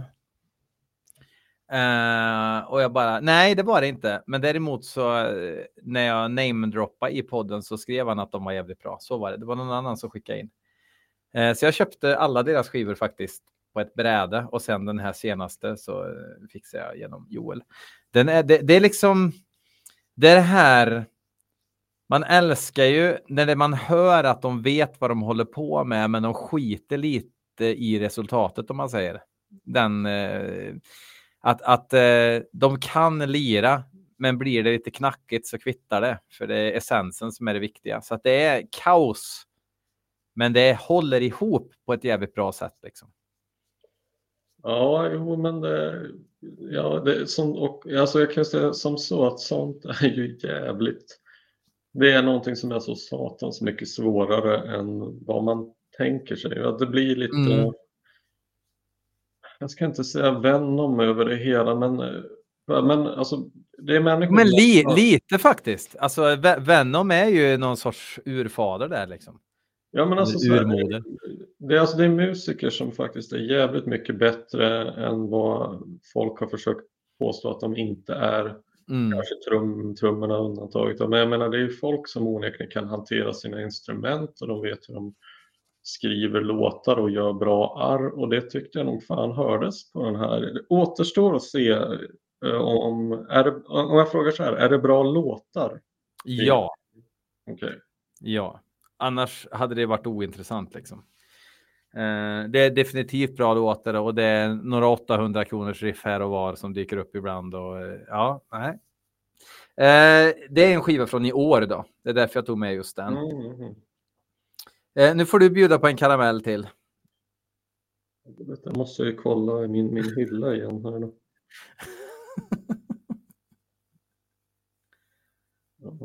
har vi för grejer? Så kökshyllan, det är nyinkommet alltså? För 2023. Ja, precis. Mm. precis. Eh, Ja, jag fick lägga vantarna på. Eh, nu är jag här långt ifrån någon ny skiva, det ska gudarna veta, men eh, Triptykons andra skiva, vad har du för relation till Triptykon egentligen? Eh, jag har ett minne av att när första skivan kom så lyssnade jag som satan på den. Och en gång, och det är ganska länge sedan, det, när kom första skivan egentligen? Så det är ju längre tillbaka i tiden än vad man tror, men det måste fan vara typ 2010 Ja. eller någonting sånt där. Ja, precis, för min äldsta, Hate Forest, var ju inte född då. Eh, nu ska vi se. Eh, Celtic Frost Monoteist kommer väl det väl 2006 vill jag minnas. Triptykon Ja, 2010. 2010 var det. Det låter fullt rimligt. Och då kommer jag ihåg att jag var hos mina dåvarande svärföräldrar och så drog jag på den skivan eh, när jag skulle sova. Och så kommer jag ihåg att jag vaknade av att det var så jävla bra på, på en låt. det är en låt som går lite snabbare. Kan det vara A thousand lies kanske? Är det en lite snabbare låt? Eh, Jag gillar Triptykon. Jag tycker till och med om den här extremt pretentiösa Requiem-skivan där de försöker då få ihop det här eh, gamla Celtic Frost-projektet. Ehm, Rex Irae, Mm. Rex Irae, Grave Eternal och Winter. Ja, de, de slänger ihop och försöker liksom fullborda det konceptet på Roadburn, Festi- Roadburn-festivalen. Det är en liveskiva. Ehm, lite, lite så här att eh, varje sekund är inte viktig utan det är helheten liksom någonstans. Känner jag när jag hör den. Men jag har den, köpte den boxen av Liljemark. Han råkar beställa två för han är ju världens största Celtic Frost-fan och Venom-fan och Accept-fan. Så ja, det är min relation till Triptykon. Jag tycker att det, Mm. det är riktigt bra och varje gång jag lyssnar på det så känner jag varför jag lyssnar inte på det oftare än vad jag gör. Så känner jag också, men jag har insett att eh, personligen så tycker jag eh, hur konstigt det än må låta, att eh, TG Warrior eller Fisher, eh, beroende på vad man vill, han, jag tycker att han blir i stort sett bara bättre och bättre. Alltså jag, jag tycker Mm. mer om Triptykon än vad jag egentligen tycker om Celtic Frost. Och eh, jag vet inte om det var att jag upptäckte Celtic Frost och Hellhammer egentligen för sent. För att jag fick aldrig lägga vantarna på de skivorna eller den musiken Mm. eh, under min mer formativa period så att säga. Men i och med att det dröjde ganska länge innan jag kom in i hans musik så hade åren hunnit gå. Eh, och bästa Celtic-skivan tycker jag seriöst är Monotheist. Jag tycker att Triptykon är som en vidareutveckling av den skivan. Mm. Eh, Problemet med båda de skivorna, jag tycker nog att första är lite bättre än den andra, åtminstone hittills. Men det är att det är ju ingenting man drar på när man dammsuger. Alltså, det krävs sin stund för att lyssna på Trypticon och det är en sån jävla... Det är en ansträngande upplevelse som absolut är värt det, men det är ju ett jävligt krossande eh, sound. Ska, ska du eller jag mobba Kristoffer Brilthult här för kommentaren Hammaren har rätt? Tryptikon är bättre än Celtic Frost. Vill du? Men vad fan, alla har skrivit fel på det där. jag vet. Jag vet. Men jag, jag, måste, jag måste ändå, eftersom jag är en extremt osäker människa så måste jag ändå hugga på andra hela tiden när möjlighet ges. Eh, och eh, ja. ja, nej, men skämt åsido. Nej, men jag, jag vill inte... ehm, för mig så känns det konstigt att jämföra Celtic Frost och Tripticon, för jag anser ju att det bara är en fortsättning av samma band. Martin Ain jag vet inte hur viktig Martin Ain egentligen är på riktigt mer än som ett bollplank och nästan som en sorts musa för Tom. Mm. För han har inte skrivit mycket. To Megatherion spelar han inte ens på. Det är den bästa Celtic Frost-skivan liksom. Det är ju Eh. en del udda grejer. Och sen är han ju inte med, eller vänta nu. Nej, han är inte med på Cold Lake. Och det är, ligger väl till... Det ligger honom inte i fatet om man säger så.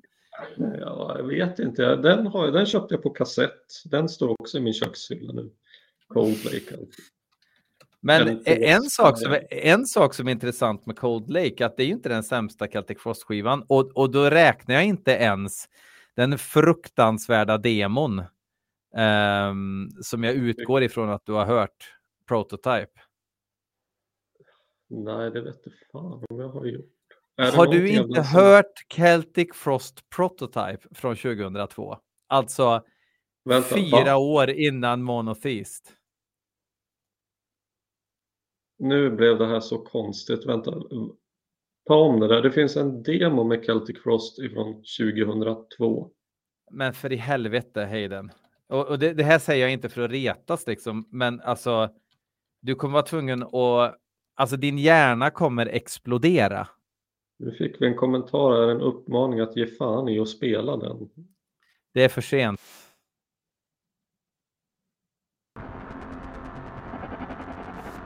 Åh, fyra år innan Monotheist.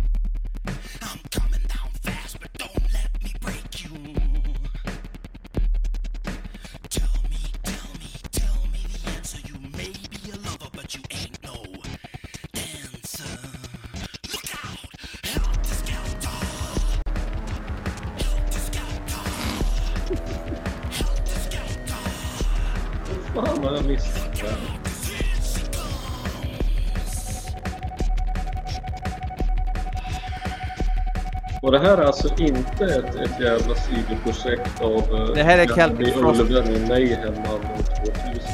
Det här är Celtic Frost. Eh, jag ska se om jag hittar eh,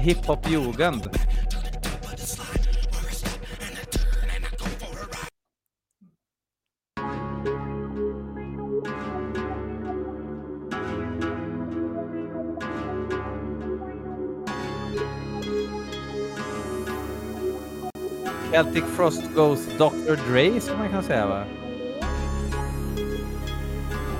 Fan, man ser ju hur Garp i Ullberg knöt sina händer och han inte var först på den här bollen.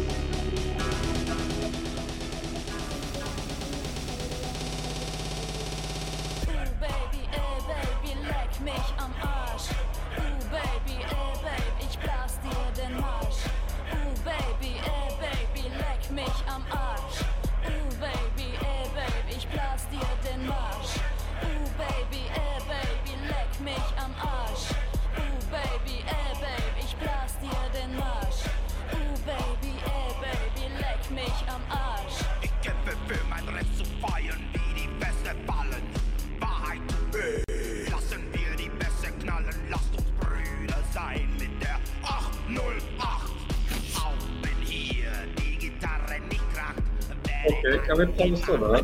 Ja, ja. Yes.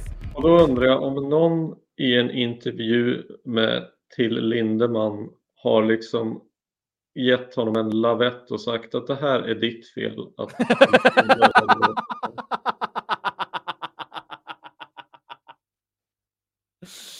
Du har, du har, ja. Nej men alltså, varför pratar Tom Gabriel Fisher så otroligt mycket om Cold Lake som är ett jävla mästerverk bredvid den här demon?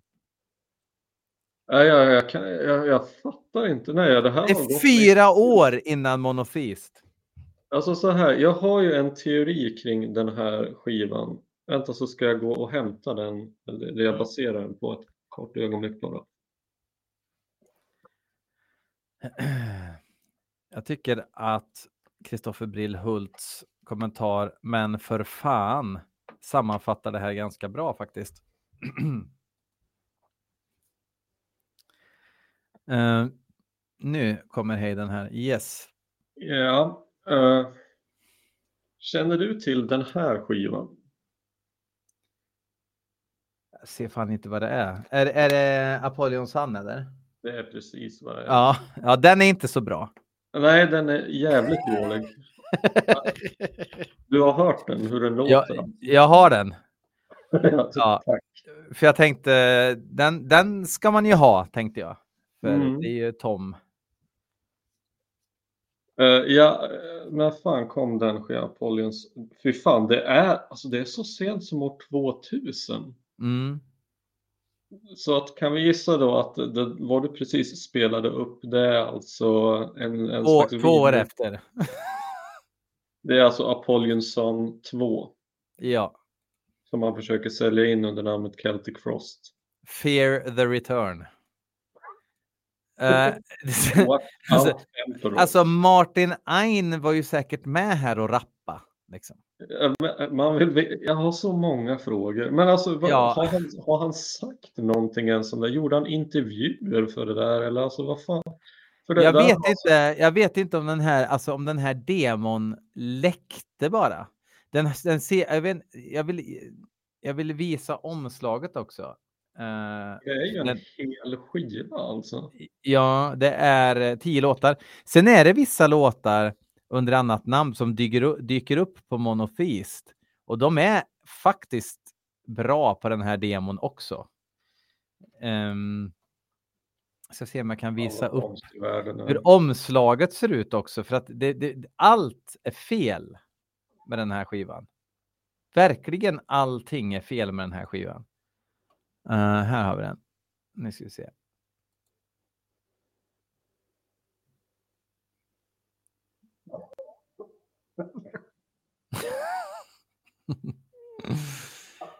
Det är alltså en distpedal som ser ut som en pansarvagn och sen någon sorts West Coast logga som det står prototype och sen någon sorts.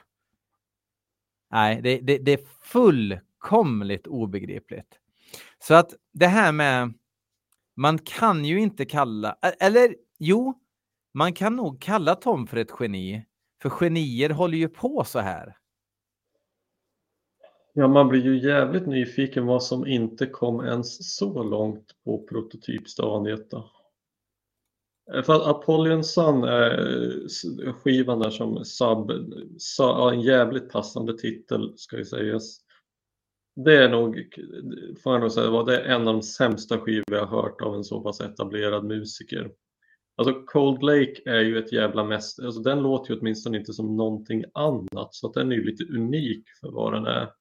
Mm. Sub låter som en sämsta, alltså en sjunde generationens klon av Marilyn Manson soundtrack till The Crow 18 i Mm. rave-scen.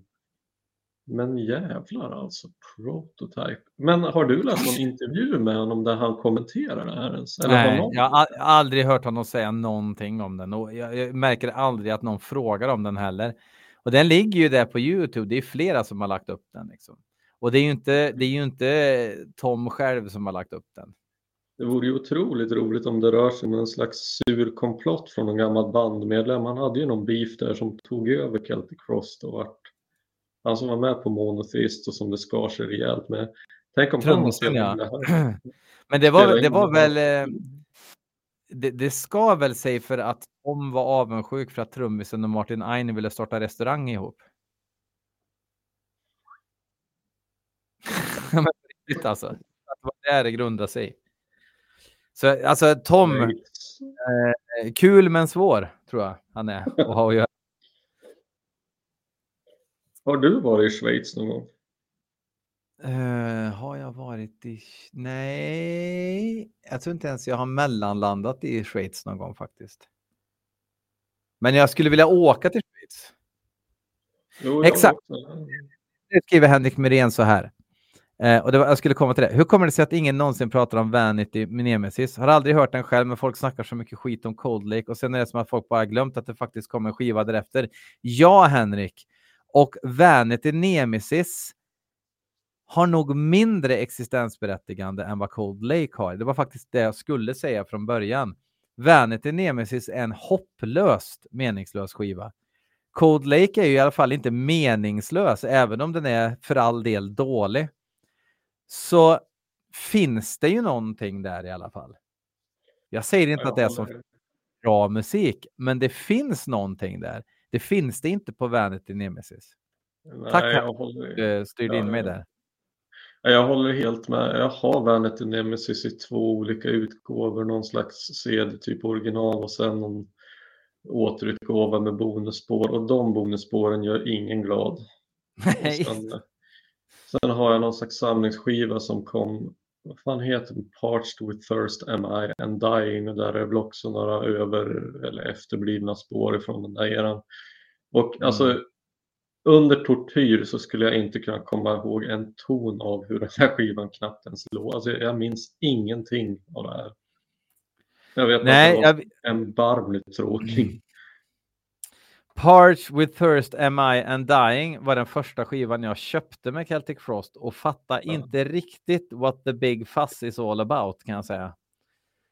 Eh, köpte på CD på Knastret i Karlstad eh, och kom hem och bara det här är nog den mest oengagerade hårdrocksmusik jag har hört i hela mitt liv kände jag då. Men sen då så eh, upptäckte jag ju Morbid Tales och sen blev det kul igen. Men hade du någon grund, hade du något du skulle säga om Tripticon? Jaha, nej alltså egentligen inte mer än det, det jag sagt. Att, alltså, att jag, på något slags objektiv plan så tycker jag verkligen det här är svinbra. Alltså någonting av det bästa jag hört på, på väldigt länge. Men eh, som sagt, det, det är en sån krossande upplevelse att det är lite grann som en musikmotsvarighet till att ta sig igenom ett Haneke-maraton. Alltså det är ju Mm. inget man gör till frukostflingorna varje dag i alla fall. De lyckas också med det här och, och låta extremt modernt utan att ha med det fula med det moderna. Liksom. Det låter ju verkligen jättebra. Ja, det är jävligt up to date. Nej, alltså det är, det är svinbra. Eh, Ja. Man, man tycker inte att någon är i den... Det, det är ju som vi har kunnat konstatera att det, det finns ju en del gamla hjältar som inte nödvändigtvis blir dåliga, men de slutar ju att göra relevanta grejer. Mm. Men Trypticon är ju relevant, relevant gjord av en Mm. fantis. Samtidigt som man, rötterna finns där. Liksom. Han använder ju samma jävla stärkare som han alltid har gjort också, vilket jag tycker är väldigt spännande. Han har ju det här lite murriga, jag vet inte ens vad det är för stärkare, men och sen någon overdrive-pedal tror jag han har, liksom, som får det här ganska speciella ljudet som han alltid har haft. Mm, är- ja. Vi är uppe i en timme och 44 minuter nu. Ska vi ta den sista karamellen eller? ja, vi gör så. Ja. Eh, jag hade tänkt att nämna att Obituary har gjort sin bästa skiva sedan tidigt 90-tal i och med ehm, ja, just det, Dying of Everything. Den har allt som är bra med Obituary. Eh, jättekul. Och sen en diskussion, något, alltså jag vill prata egentligen, jag vill inte det, så här är det, jag vill inte prata om senaste Dödheimsgard, men jag tycker den är jättebra. Eh, men jag, jag blir bara, jag orkar inte prata om allt som känns tråkigt att prata om när det gäller Dödheimsgard. Men den är jättebra tycker jag. Eh, i, inte för att vara black metal utan för att vara något helt annat liksom. Men det här vill jag prata om och den har jag pratat om förr och det är ju Krigskår. Från England. Du kanske, undrar, du, du? du, kanske undrar hur de stavas? Ja. Q, Zoey Trope Zoetrope heter den här EPn. Släpptes egentligen förra året. Eh, men kom på vinyl i år och en skiva finns ju inte för den finns på LP. Så det finns ju ganska många album där ute som inte existerar ännu, trots att de har funnits på CD sedan början av 2000-talet. Eh, de spelar ju flummangeldöds. Eh, och de hade ju han den här Vassafor-tomten på bas från början. Han hade lagt all bas på den här EPn. Sen visade det sig att han eh, gillade barn på ett Mhm. ek- ekivokt sätt. Eh, så han fick ju givetvis foten direkt. Eh, och eh, han är från Nya Zeeland, är Vassafor ifrån, va? tror jag. Eh, och han fick kicken från alla sina band. Eh, bland annat, eh, vilka var det? Di- eh, Diocletian fick han ju kicken från och de skrev eh, Diocletian doesn't have room for eh, degenerates. eller sånt där skrev de. de vill ju få det att låta, kan det vara fascistiskt? Eh, Irkalian Oracle, svenska Irkalian Oracle spelade han bas i, fick foten. Han fick foten från allting och det är ju fullt rimligt. Väldigt lite tolerans för det här beteendet. Men oavsett då så fick ju han the main man i krigskår. Han eh, fick ju lägga om basen själv då, så att det är bara han och trummisen plus en liten stråkorkester som har spelat in. Och den här musiken, alltså allting med det här låter som att det inte skulle kunna fungera om man tänker nu kommer det bli Dimmu Borgir. Men de lyckas alltså ha med sig en stråkorkester utan att det överhuvudtaget behöver låta symfoniskt. Det låter inte symfoniskt överhuvudtaget. Det låter väldigt bra däremot. Um, det är en EP och det är bara en låt, så vi får väl lyssna en bit på den då. Um, uh, nu ska vi se. Jag tycker det här är en mästerlig EP. Julklappstips för övrigt.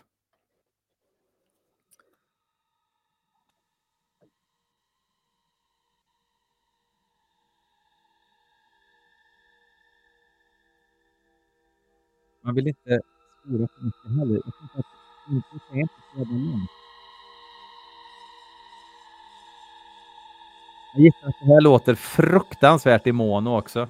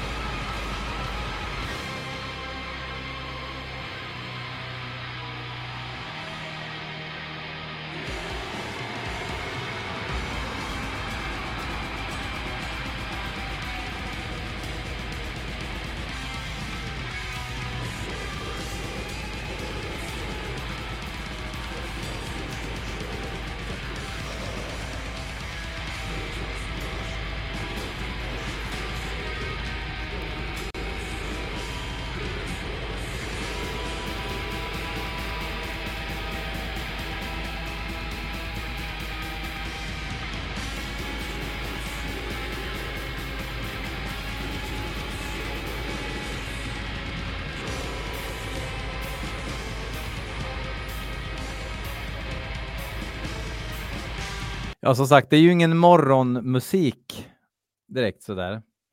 Men, eh, och det är ju en lång jävla låt alltså, den är ju 25 minuter lång.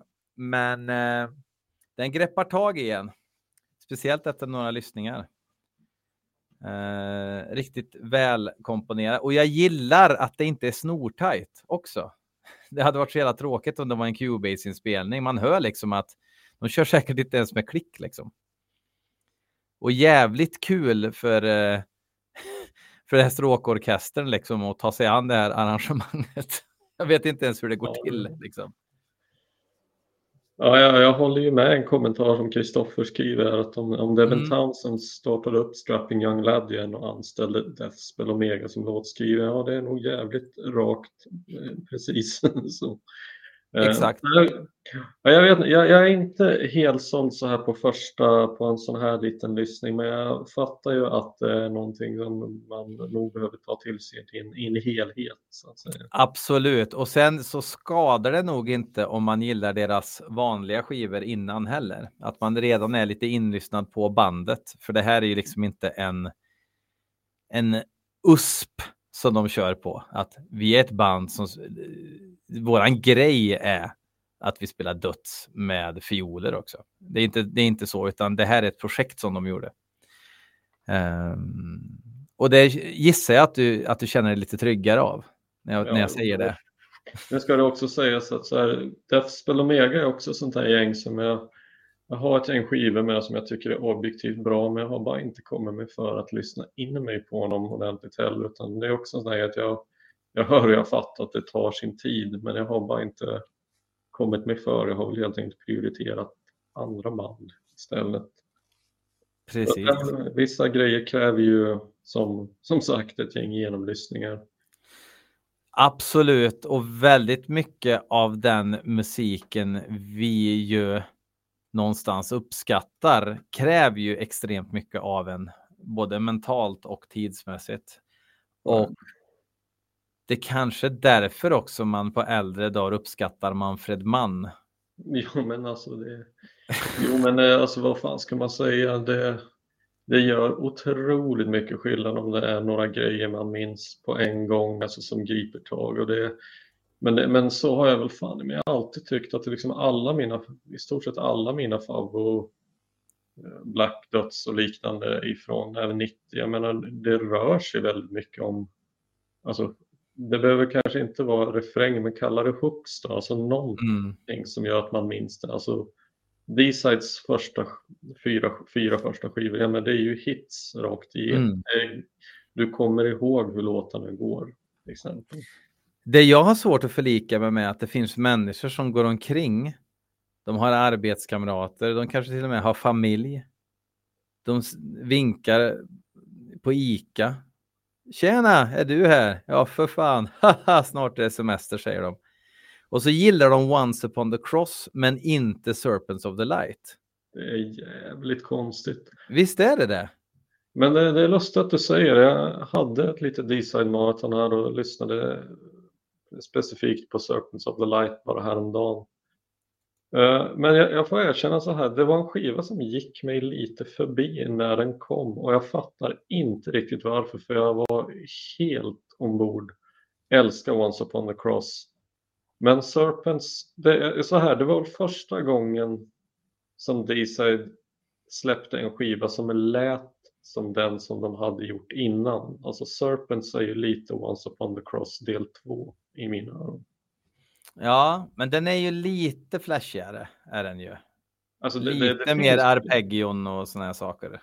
Det, finns skillnader absolut, men om, jag tänker, men om man tänker att skillnaden mellan första skivan och Legion så är skillnaden rätt enorm. Och från Legion till Once upon the cross så är det en rätt stor skillnad. Men från Cross och Serpents så är inte skillnaden jättestor. Nej, det är sant. Legion är ju And Justice for All. Och Once upon the cross är ju Black Album. Fast lite mer bas på Legion. kanske. Ja, ja, i och för sig. Ja, nej, men det, det, det är märkliga grejer, eh, helt klart.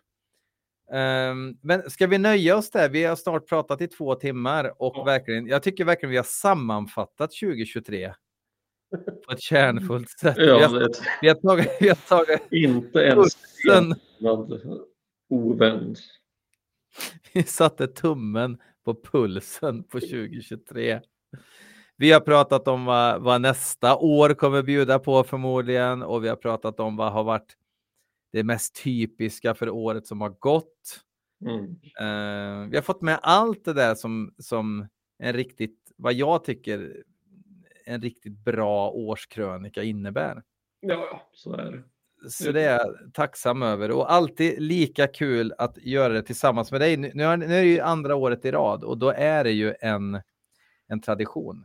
Mm. Ja, men så är det. Eller gjorde vi det? Eller var det förra, förra året vi gjorde det? Nej, det var förra året. se, första gången som jag var med, det var, när fan var det som jag var med och det var ju flera, Liljemark var med, det var nyårs, Ja, men det var en live. Det var när jag hade kört 200 avsnitt tror jag. Är det tre år sedan det, eller vad fan är det? Ja, det är det. Men, men jag tänkte när vi gjorde en nyårskrönika, då hade vi redan kört, kört Coopers klass, så det måste ha varit förra Ja, året. Eh, Andreas Örnberg skriver så här. Hot take. Vanity Nemesis är värre än Cold Lake. Celtic Frost goes Megadeth. Motsvarigheten är väl Creators Endorama som gick a- all in i någon slags knullgoth nu metal. Spana in The Chosen Few på tuben.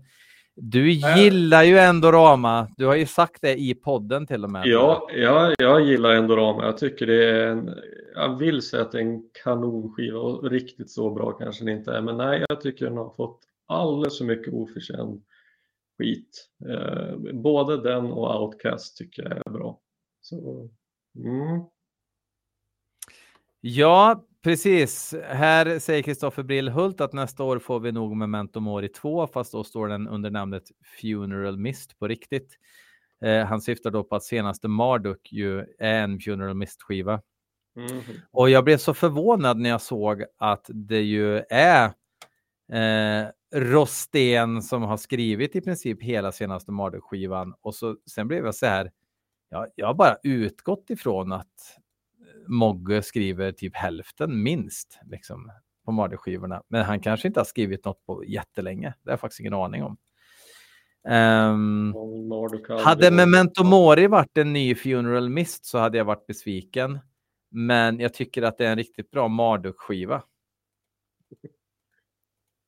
Nej, det här är inte mina gäng. Eh, Nej, har- det är som det jag tycker, alltid tyckt det, det är en typ en bra låt per skiva så att en, en jävligt bra greatest hits skulle de få ihop men jag tappar intresset när jag försöker ta mig igenom hela skivor med du väntar på den första bensinmaxsamlingen som du kan köpa för 79 kronor när du köper Exakt så. Vinegum. Det är ett riktigt jävla Dragon Town typ snitt. The Essential Marduk. Precis. Ja. Ja, nej men då Ja. säger vi väl fuck off och tack och god jul. Det gör vi verkligen och eh, tack till alla som kommenterat och kommit med synpunkter tycker jag. Precis, det är ju det är väldigt BL Metal Podcast att inte annonsera om en livestream, sen helt plötsligt göra det och göra det på den sämsta tänkbara tiden under en vecka också. Fredag kväll när ingen... Under På spåret dessutom. Vi kanske skulle göra en På spåret någon gång. På riktigt, med där folk får tävla i kommentarsfältet. Fy fasen vad roligt. Vi beger oss till. Vi Ja, beger eh, oss till, till tysk gruvindustristad. Gelsenkirchen. Precis. Ja, Men det måste ju givetvis vara. Här har det. Här eh, hördes. the in the sign of evil ljuda. Tidigt februari 1980. Ja, skitsamma. Ja, något liknande. Men eh, svinbra. Um, du, ja, precis. Henrik Myrén hade tänkt kolla på På spåret, men gick och satte mig vid datorn med ett glas rött istället. Ångrar inget. Tack ska ni ha. Tack som fan för det, Henrik. Um, men du kan kolla på eh, På spåret nu om du vill, för det finns ju på SVT Play på internetet. Men som sagt, fuck off och god jul! Fuck off. God jul. Tack för kaffet.